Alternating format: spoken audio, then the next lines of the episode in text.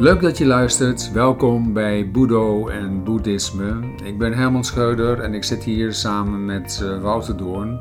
En we gaan met elkaar in gesprek over allerlei aspecten van het boeddhisme, waarbij Boedo, onze meditatiemethode, centraal staat.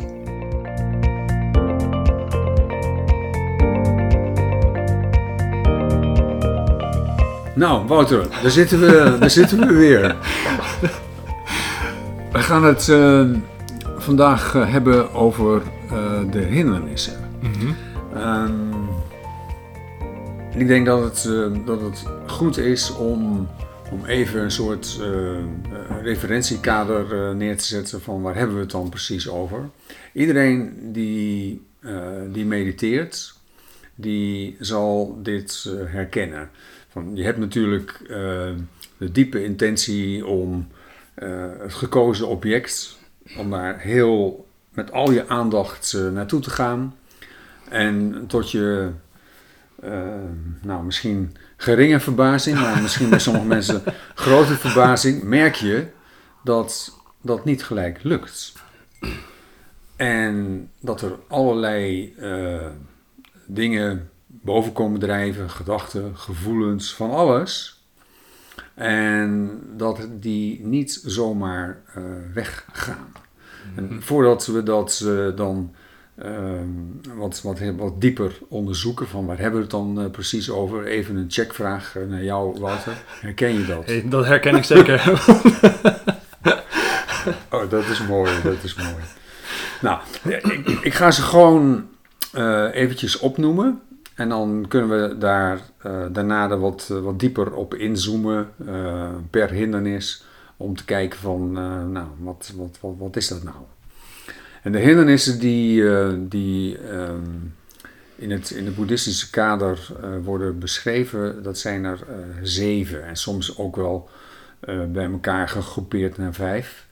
Maar waar we het dan over hebben, zijn boosheid, begeerte, twijfel, uh, onrust en piekeren en dufheid en slaperigheid. Dufheid en slaperigheid en onrust en piekeren die worden vaak uh, bij elkaar genomen en op die manier krijg je de vijf, maar het zijn er eigenlijk zeven. En ik denk dat het ook, um, maak ik gelijk een verdiepingsslagje, mm -hmm. dat het in eerste instantie niet zo duidelijk is dat hindernissen op de achtergrond een rol spelen. Mhm. En dat komt omdat in eerste instantie komen er gedachten en gevoelens boven. En je hebt in eerste instantie de neiging om naar die gedachten en gevoelens uh, te kijken. Van nou, dat, dat, dat zijn de dingen die mijn uh, concentratie in de weg zitten. Ja.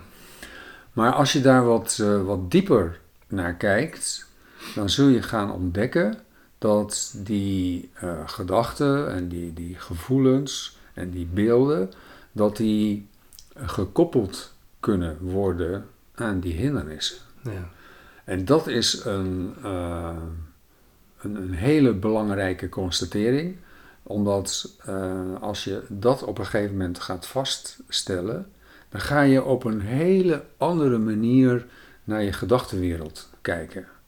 Want dan, dan wordt er eigenlijk iets wakker gemaakt, waardoor je uh, op een hele andere manier naar je eigen bewustzijn gaat kijken. Mm-hmm. En daarvoor, uh, gewoon, dat zijn gewoon dingen die erbij horen. Dat zijn gewoon dingen die normaal in je bewustzijn zich afspelen.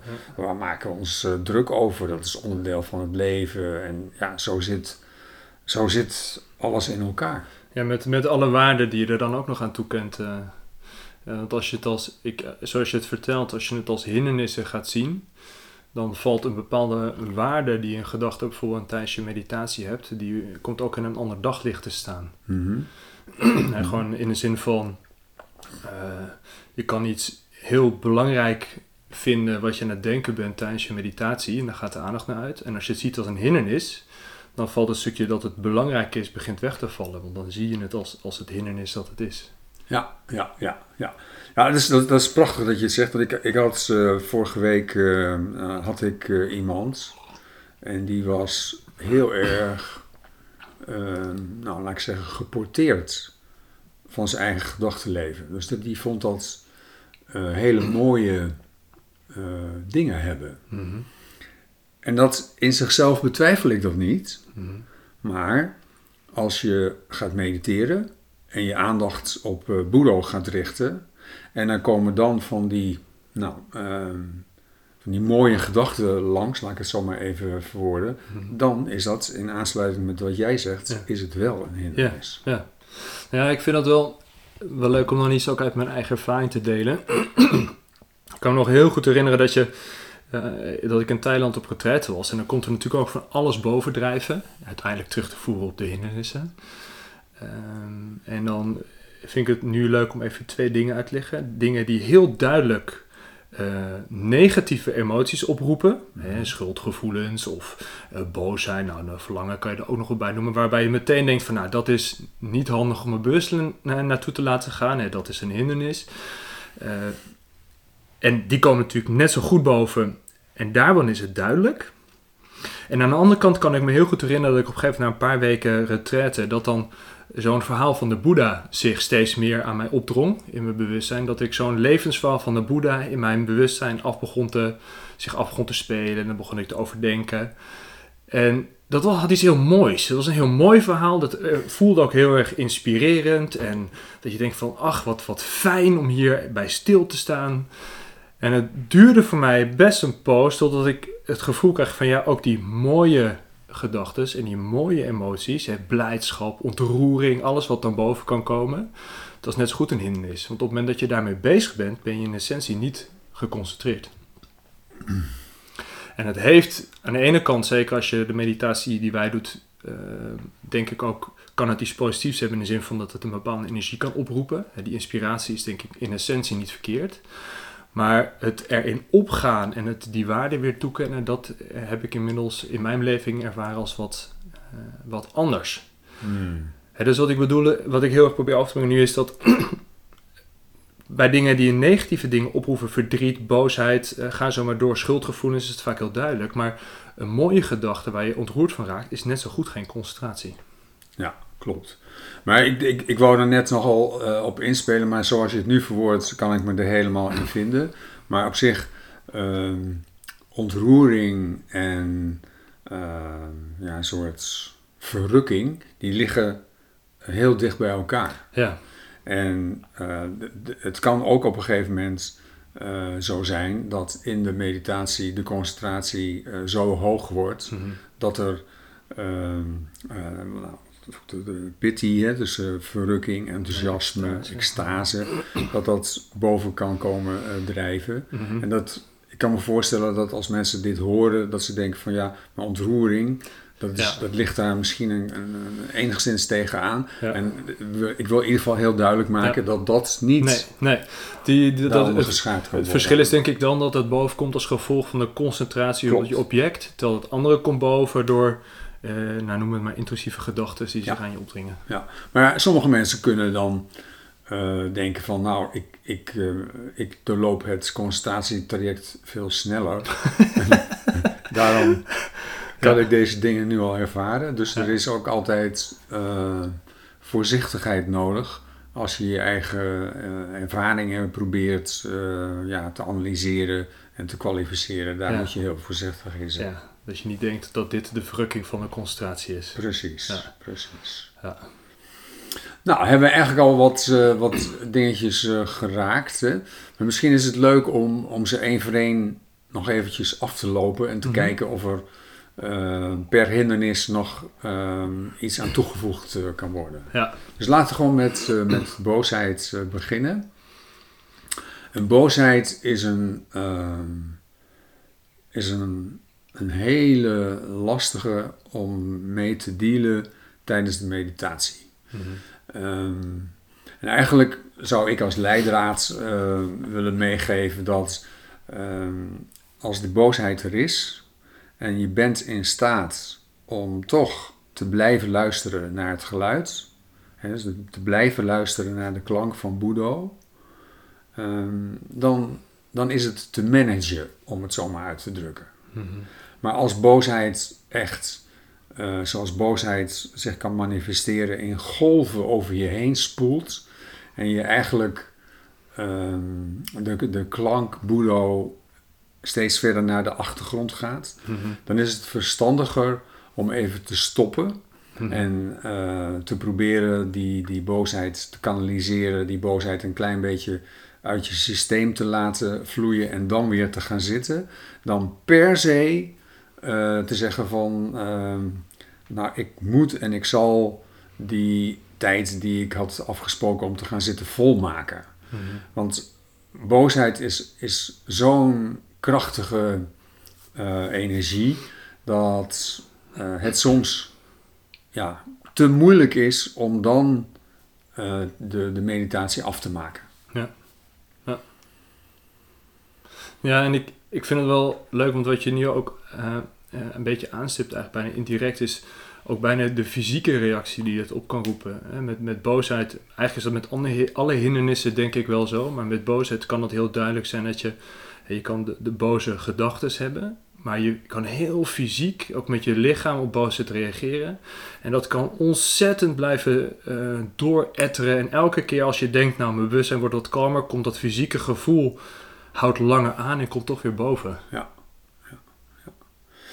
En, en, en het laatste wat ik daar nog over wil zeggen is boosheid ehm, heeft ook als, als eigenschap dat het zichzelf ehm, opeet, om het zo maar uit te drukken. Dus de, de, de boosheid die, die wordt eigenlijk op een bepaalde manier ehm, eh, gevoed, bijna zoals een, een vuur brandt. Ja, dus als de, als de boosheid eh, opgebrand is, dan, dan houdt het op. Dus in die zin, ehm, je kunt ook niet eh, drie dagen achter elkaar eh, op, op hetzelfde niveau boos blijven. Dat is een, een, een soort een aantal piekmomenten en daarna vlakt het af. Dus Ja. boosheid brandt zichzelf op. En dan nog misschien de nuance dat het in ieder geval ook weer als je kijkt naar retraite, dat het steeds subtieler kan worden wat er dan nog boven komt. Dus je hebt natuurlijk de boosheid die heel duidelijk is. Er is iets naars op je Hmm. werk gebeurd of wat dan ook. En eh, nou, daar voel je dus dat fysieke bij. Daar ben je heel erg mee bezig. Maar ik kan me herinneren ook in retraite is dat het soms... Eigenlijk dan wordt het steeds stiller en stiller en dan komen er fladders boven. En dan meer fladders van eigenlijk een soort boosaardige gedachten. En dat kan, kan zelfs zoiets zijn als van dat je bijna boos bent dat je daar moet zitten op dat moment. En dat Mhm. kan heel even zijn of boosheid op je leraar, omdat hij je eh, niet buiten rond laat lopen of zo. Van die kleine dingetjes die dan heel even boven komen en wegzakken. Ja, een heel goede aanvulling. Ehm, een, andere, een andere weergave is bijvoorbeeld eh, een, een, een lichte weerstand ergens Ja. tegen, tegen is ook een uiting eh, van dezelfde energie. Of een hele kleine, Ja. eh, eh, nou, dat, dat zei je net zelf eigenlijk al, een hele subtiele irritatie ergens over. Van waarom, waarom staat dat zoutvat nou zo ver van mij vandaan? Whatever. Ja. Het zijn allemaal manifestaties van, van de, dezelfde basisenergie. Ja. Ja. Nou, zullen we maar naar de volgende gaan? Ja, ik zat nog alleen Oh, nog te denken, één. moeten, moeten we niet nog meta noemen, ook in het kader van boosheid? Nou, als het gaat om eh, het tackelen van... eh, dat wil ik eigenlijk nog eventjes apart eh, eh, doen. Mhm. Alle mentale factoren, die, al die zeven hindernissen, die kunnen op een bepaalde manier getackeld worden, bestreden worden. Ja. Dat kunnen we per item doen, dat vind ik prima. Mhm. Laten we dat maar doen. Oké. Nou, nou we het er toch over hebben. Ja. Ehm, er zijn eigenlijk twee manieren om die boosheid te tackelen. Mhm. En de eerste, die, die, die, die pakte jij zelf al, hè? het geven van meta. Is dat je dan...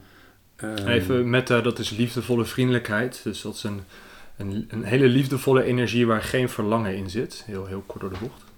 En die, die energie laat je dan los op het object van waar je boosheid zich eh, op richt. Of in algemene zin, als, als, je, als, als dat niet, eh, zeg maar dat dat object niet heel pregnant is, dat je gewoon je heel erg boos voelt, maar je weet niet precies op wie of wat, dat je dan ehm, die energie in jezelf probeert boven eh, te laten komen als, als tegenhanger eh, van die boosheid. En als het goed is, smelt die boosheid als sneeuw onder de zon weg. Ja. Afhankelijk van de kracht van de meta.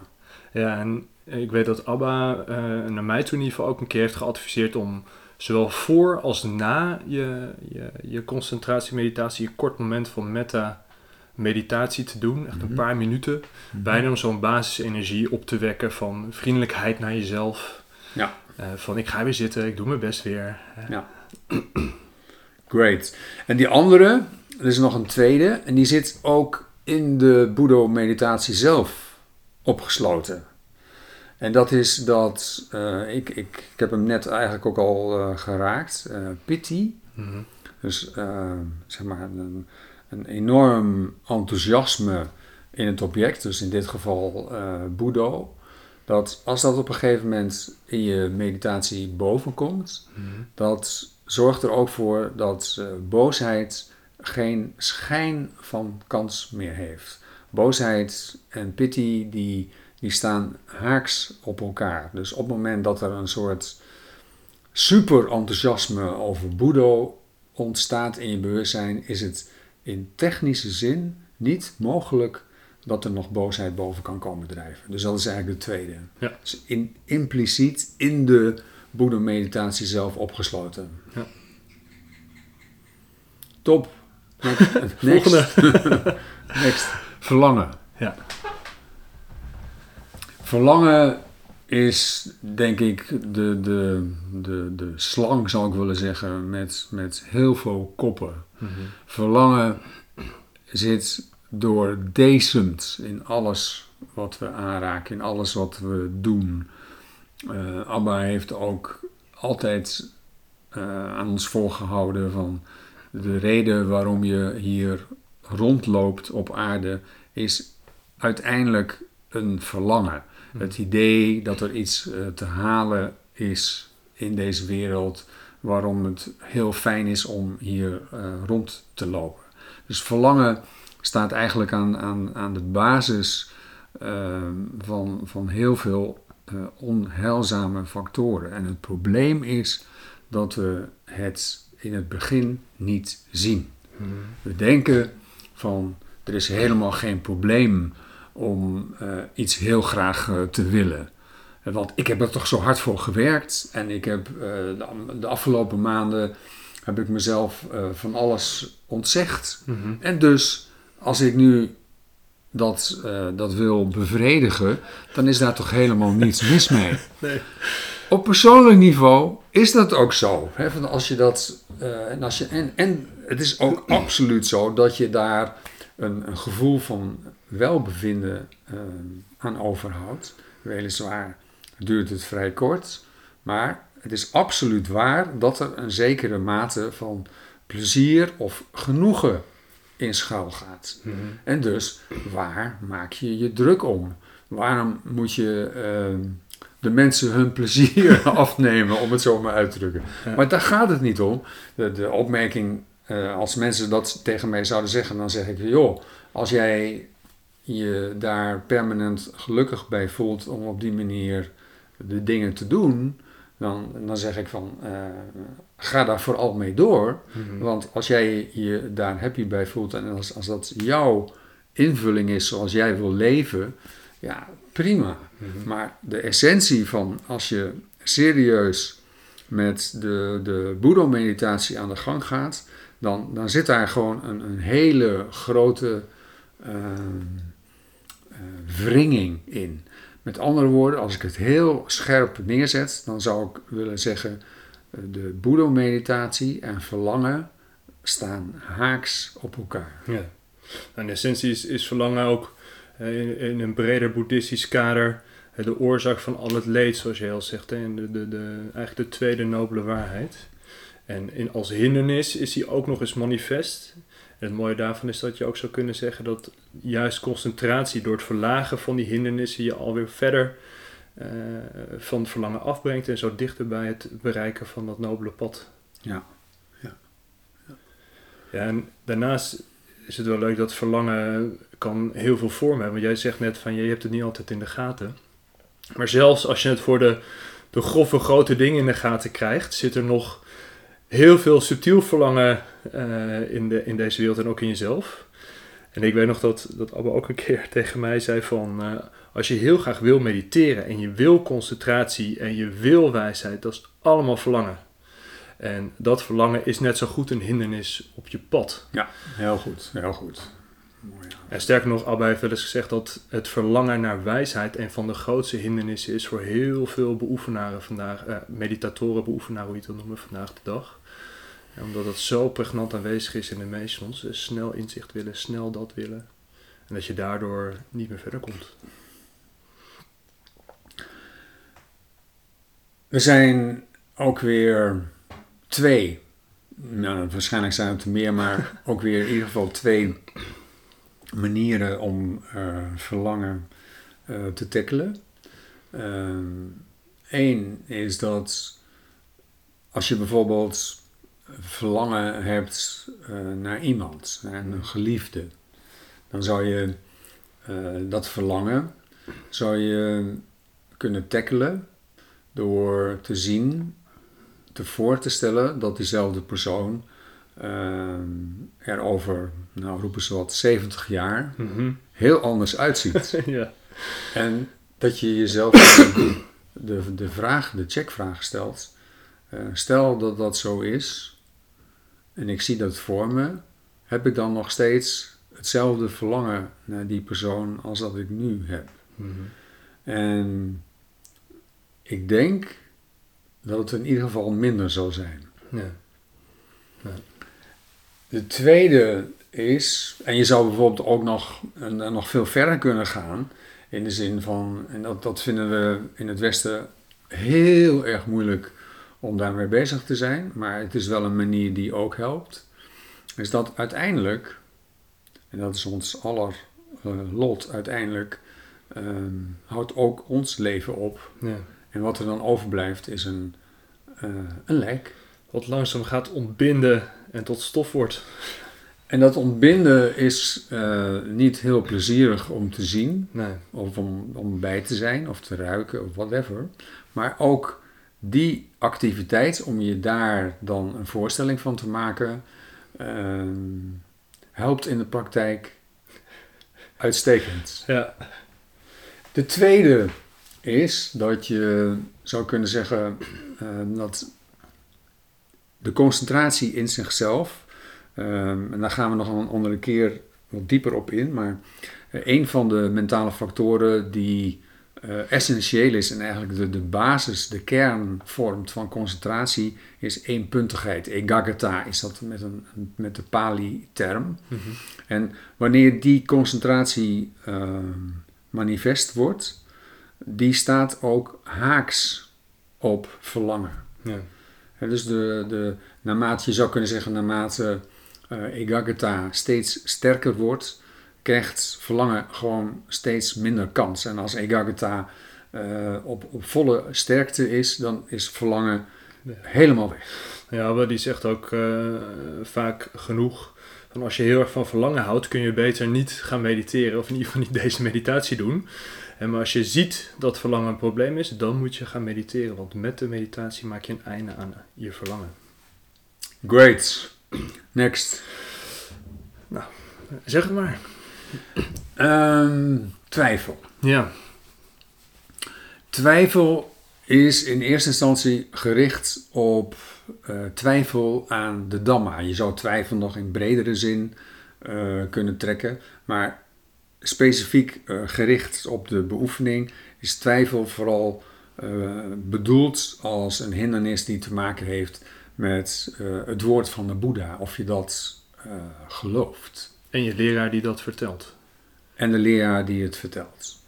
Als je, en als je daar ehm, twijfel over hebt, bij de een of bij de ander, dan is het eigenlijk het effect is dat je jezelf op een T-sprong ziet Mhm. en niet weet of je naar links of naar rechts moet. Mhm. En dat betekent dat je stilstaat. Mhm.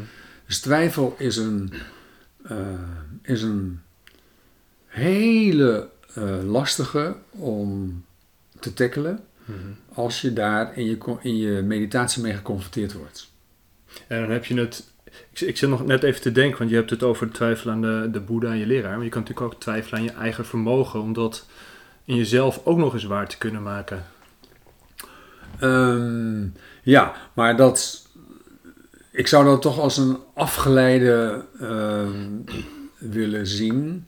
Kijk, als jij, als jij helemaal overtuigd bent van de waarheid eh, van, van de Boeddha en, Ja. je zou, en je zou kunnen zeggen van, nou, ik, ik twijfel of ik dat zelf kan, dan heeft dat meer te maken met ehm, eh, zeg maar, energie blijven leveren om toch te onderzoeken of het toch niet zou kunnen lukken. Ja. Dus dat heeft Ja. meer daar eh, mee te maken. Maar Ja.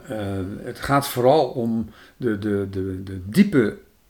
Het is een hele lastige energie om, om voor jezelf eh, echt de, de intrinsiek te kunnen zeggen van wat de Boeddha heeft gezegd is gewoon helemaal waar. Mhm. En als je daar twijfels over hebt, en eh, jouw aanvulling helemaal mee eens, als de leraar die dat dan verwoordt, dat is een hele lastige om mee te dealen. Ja. En het, het- als, als, als je zegt leraar, dan heb je natuurlijk ook in essentie meteen over het meditatiesysteem wat zo'n leraar voorstaat. Ja.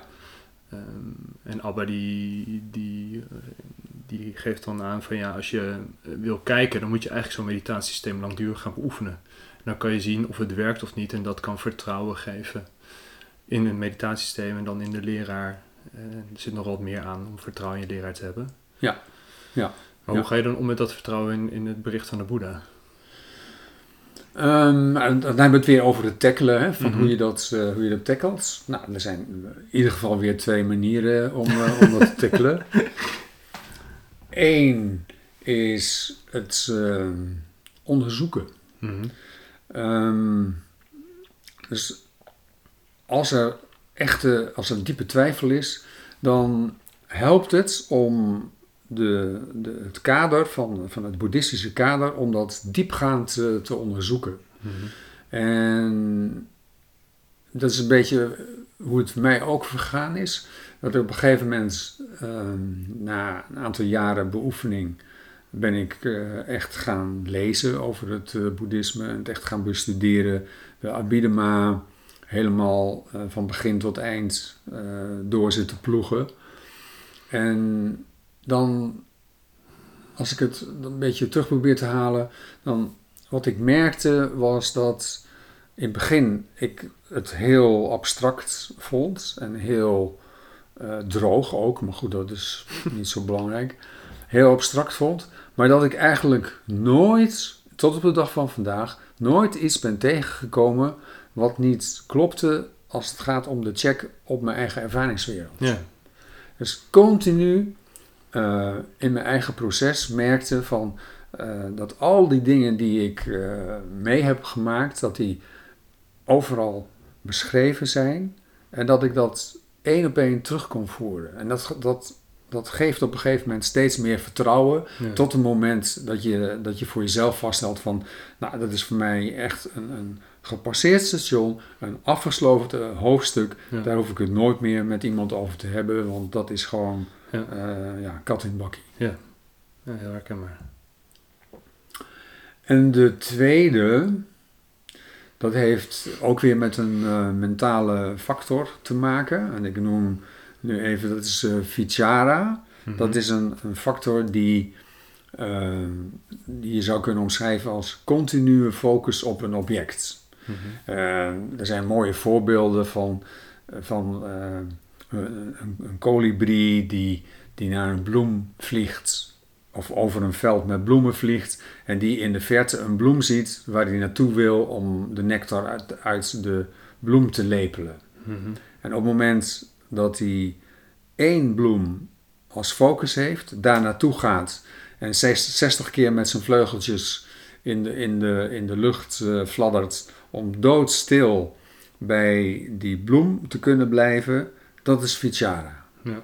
En die zorgt voor een, eh, een bepaalde focus op, in, in, in ons geval, op Boedo, die op het moment dat dat manifest wordt in je bewustzijn, dat je merkt van, ik kan nu gewoon heel gemakkelijk ehm, die focus op Boedo houden, Ja. dan is die twijfel weg. Ja, en dat, dat neem je echt heel erg waar in je Ja. meditatie. Dat je gewoon Ja. voelt dat bijna dat de gedachten die bovenkomen, korter, in ieder geval zo word ik dan, die worden korter. Op een gegeven moment worden het bij wijze van spreken geen zinnen meer, maar letters. En op een gegeven moment voel je het gewoon opkomen en wegvallen. Totdat het een tijdje wegblijft, voordat er weer wat nieuws opkomt. En zo worden die verstoringen steeds minder en minder. Klopt. Next. Ja. Dan onrust en piekeren. Ja. Ze worden vaak ehm, bij elkaar genomen, maar ze zijn verschillend. Mhm. Maar we behandelen ze wel eventjes, wat mij betreft, als eh, één, eh, één hindernis. Mhm. En het is ook een, een hele lastige. Als ik met, met onrust begin, hè, onrust is een, een hele diepe eh, factor die ook heel lang bij je blijft.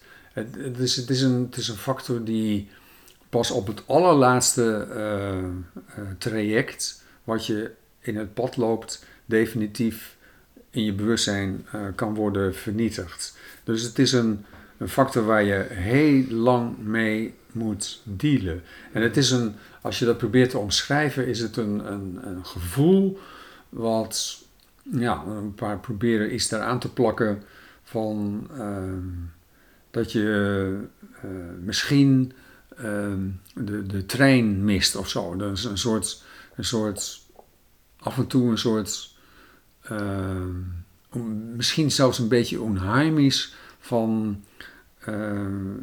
de- er is iets aan de hand, maar ik weet niet precies wat. Mhm. Maar ik moet daarvoor oppassen. Nou, een beetje, beetje zo'n zo'n vage omschrijving wat, wat, eh, wat ik zou willen plakken op, eh, op onrust, de mentale factor eh, onrust. Mhm. En dat, dat is een. in combinatie met. En, en piekeren, laat ik die ook even pakken. Piekeren heeft een iets andere connotatie. Hè? Dat is echt van. Ik heb een object. En dat heeft- heel vaak te maken met een object uit het verleden. Mhm. Waar iets mis is gegaan.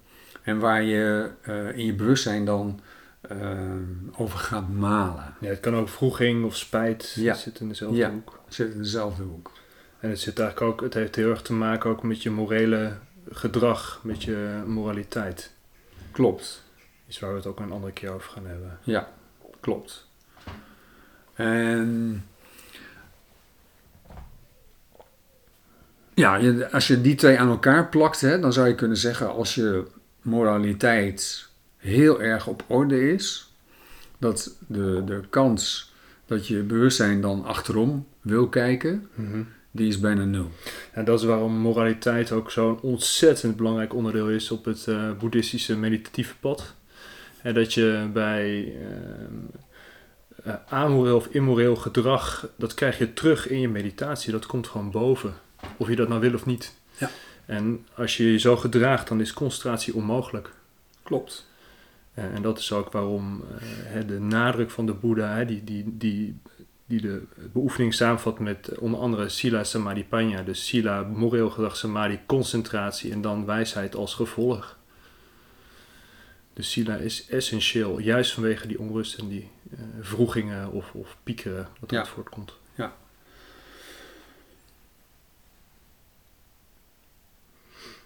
Ik heb voor onrust en eh, ja, voor, voor piekeren, vooral, er zijn er weer eigenlijk weer twee. De eerste hebben we eigenlijk al gehad, hè, dat, dat, dat piekeren, dat eh, als je heel scherp op je eigen moraliteit eh, let, dat piekeren dan steeds minder manifest wordt. Ja. En de andere is dat ehm, ook onderdeel van het concentratieproces is een gevoel wat boven komt drijven. En dat gevoel dat heet in Pali eh sukha. En sukha is eigenlijk een, een eh, die zou je kunnen omschrijven als eh, geluk. Mhm. En dat gevoel, dat zorgt ervoor dat onrust en piekeren in ieder geval tijdens het meditatie, tijdens de medita meditatiesessie waarin Sukha komt bovendrijven, dat zorgt ervoor dat onrust en piekeren gewoon helemaal verdwijnen. Misschien wel leuk, want jij beschrijft onrust net helemaal als een soort onheimisch gevoel. En als je dan Sukha als welbevinden er tegenover zet, dan wordt het ook heel, heel invoelbaar. Waarom als je je heel, heel fijn voelt, wel voelt tijdens je meditatie, dat dat gevoel weg, wegvalt. Ja, Die, ja. die mentale factoren uiteindelijk wegvallen. Prima. Helemaal mee eens, Wouter. Goed, en dan de, de laatste. Ja, De laatste, dat is dan, ehm, ja, on, of hoe heet het, ehm, zwaarte, inertie en, en slaperigheid. Dufheid, Ja. slaperigheid. Je zou ook, ik vind ook het, het woord eh, onwerkbaarheid, vind ik eigenlijk ook wel een mooie. ja, ja zeker. dat, eh, die hoort daar ook wel thuis. Ja. En ja, dat, ja, dat is een, ook een lastige. Ehm, want het gaat er ook in eerste instantie om, om hem te herkennen. Mhm. Ehm, als je op, op, op je kussen zit en je wordt op een gegeven moment slaperig, dan, dan zegt de Boeddha ook wel van, eh, nou, maak je, maak, je, maak je hoofd nat. Ja, Hè, of- slaap je benen, knijp je oorlellen. Ik heb het tijdens de jetlag eh, in Thailand allemaal gedaan. Kijk in licht. Precies. En, en dat kan natuurlijk, dat je op een gegeven moment eh, moe bent en dat, Ja. je, dat je gewoon slaap nodig hebt. Zelfs even gaan liggen. Ja. En dan, dan kun je gewoon, eh, als je op een gegeven moment al die dingen gedaan hebt en je bent nog steeds slaperig, dan is het tijd om te gaan slapen. Er is Ja. niks mis mee. Maar er is ook een, een andere kant aan het, eh, aan het spectrum en is dat dat je gewoon duf bent. Ja. En dat je eigenlijk zegt van ehm, op een bepaalde manier, ik ben lui, of dat zeg je natuurlijk nooit van jezelf, maar erg, hè, dat, je, dat je merkt van, van ik heb eigenlijk niet zo'n zin. Ehm, er is, eh, dat is eigenlijk vaak een soort koppeling met weerstand, maar het, zijn, het is wel iets aparts. Mhm. Dat je merkt van, ehm, het is eigenlijk een soort onhandelbaarheid. Ja. En dat is een, een, eh, een hele moeilijke om te tackelen, omdat je het in eerste instantie gewoon als zodanig ook moet onderkennen dat het er is. Mhm. En omdat de, de, de, de mate van identificatie ook vrij sterk is, dan ja, dat, dat is ook een heel moeilijk proces voor jezelf om, om te zien dat die onhandelbaarheid er is en hoe je daarmee moet omgaan.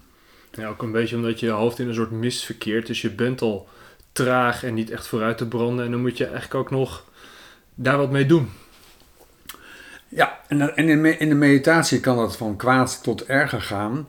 Eh, dus ik heb dat, nu we het er zo over hebben, kan ik me toch echt wel eh, behoorlijk wat sessies herinneren. In, eh, in eh, retraites waarin dat speelde. En dat, dat, dat waren eh, echt knokpartijen. Ja. Want op een gegeven moment zie je, ga je het zien ja. dat het speelt.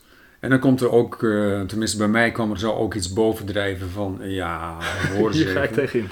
Hier, dit, dit gaan we niet laten gebeuren. Ja. En dat is, niet, dat is niet makkelijk, want zolang als het speelt, is het ehm, het niveau van concentratie wat je, wat je in, in die sessie eh, kunt bereiken, ja, dat, dat is heel laag Ja. omdat, omdat die hindernis zo pregnant aanwezig is en zo bepalend is voor wat er gebeurt, dat ehm, ja, pas als die naar beneden gaat, dan merk je het verschil tussen slaperigheid en dufheid. Dan merk je het verschil Ja. tussen de lichamelijke en de mentale component van Ja. deze hindernis. Als hij wegvalt. Ja, Ja. ja.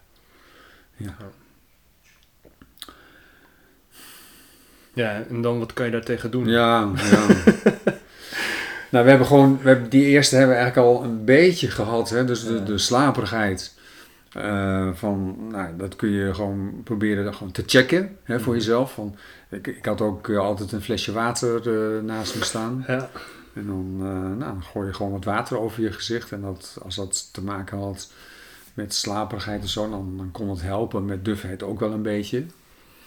Ehm, maar uiteindelijk is het ehm, de, de, de factor Hè, dus dat is dan weer een andere factor, weer hetzelfde voorbeeld. Van, van die kolibrie die over een veld vliegt en zegt van ik ga naar die bloem toe. Ja. Die, die factor, die zorgt er uiteindelijk voor dat als die ontwikkeld wordt, dat eh, die dufheid en die slaperigheid, eh, dat die verdwijnt. Het is eigenlijk een soort diep interesse in het object hebben, waardoor je eigenlijk niets anders wil dan nog beter gaan luisteren. Ja. In ons geval dan.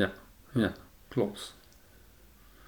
Nou, dan hebben ze volgens mij eh, Allemaal gehad. allemaal gehad. Ja, en dan, eh, ja, ik vind het nog wel leuk om, en eh, als je ze dan overkoepelend neemt, gewoon, we hebben het er eerder volgens mij ook al over gehad, ehm, dat op het moment dat je gaat mediteren, dat je dit ook kan, je kan ze los van elkaar zien. Ze zitten allemaal door elkaar heen. Meestal komen ze niet één voor één voor, maar in mengsels. En tegelijkertijd dat je voelt gewoon, of je merkt, dat ze dalen op het moment dat je concentratie stijgt. Of omgekeerd, als je concentratie omhoog gaat, dan voel Ja. je ze omlaag gaan. Ja.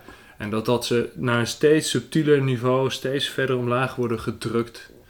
En dat dat een enorme helderheid kan geven, die, eh, waarvan je denkt, oh, dit, Ja. dit, dit is een beetje waar het, waar het om begint te draaien. Heel voorzichtig, want het Ja. gaat natuurlijk steeds verder. En, en ook als, als, eh, als, als beeld hè, van als die concentratie steeds hoger wordt, dat je ook vaststelt niet alleen dat ze minder worden, maar dat ze echt compleet weg zijn. Ja. Dat, ze gewoon, dat je denkt van, eh, hoe is het mogelijk? Ten eerste, als, dat voor, als dat de eerste keer gebeurt, denk je van, hoe is het mogelijk Ja. dat ik hier zit en ervaar dat al die hindernissen, dat die gewoon nu niet meer in mijn bewustzijn zitten. En dat eh, eh, misschien ook goed om een keer te noemen, want dat hoor je nog wel eens dat mensen beweren dat het niet mogelijk is, maar dat je dan ook merkt dat het stil wordt en steeds stiller wordt. Ja. En dus het idee dat gedachten wel degelijk echt helemaal kunnen stoppen en ook langdurig helemaal kunnen stoppen. Ja, klopt. Dat gaat er, gaat er eh, mee, eh, mee gepaard. Een hele goede. Ja. En dat zelfs, eh, wat, Ja, jij dat wel eens gegeven, dat zelfs die, die vibraties van onrust die dan nog ontstaan, dat zelfs die op een gegeven moment steeds verder kalmeren en wegvallen. Ja. Dat was hem. Zeker weten. Misschien de volgende keer moraliteit doen? Yes, sir. Helemaal goed. Yo. Dankjewel voor het luisteren. Vond je dit nu een leuke podcast? Vergeet dan niet je te abonneren via je favoriete podcast-app. Zo blijf je op de hoogte van de nieuwste afleveringen en help je andere mensen ons makkelijker te vinden. Wil je meer weten over het boeddhisme of over ons meditatiesysteem? Bezoek dan eens onze website. De link staat in de beschrijving.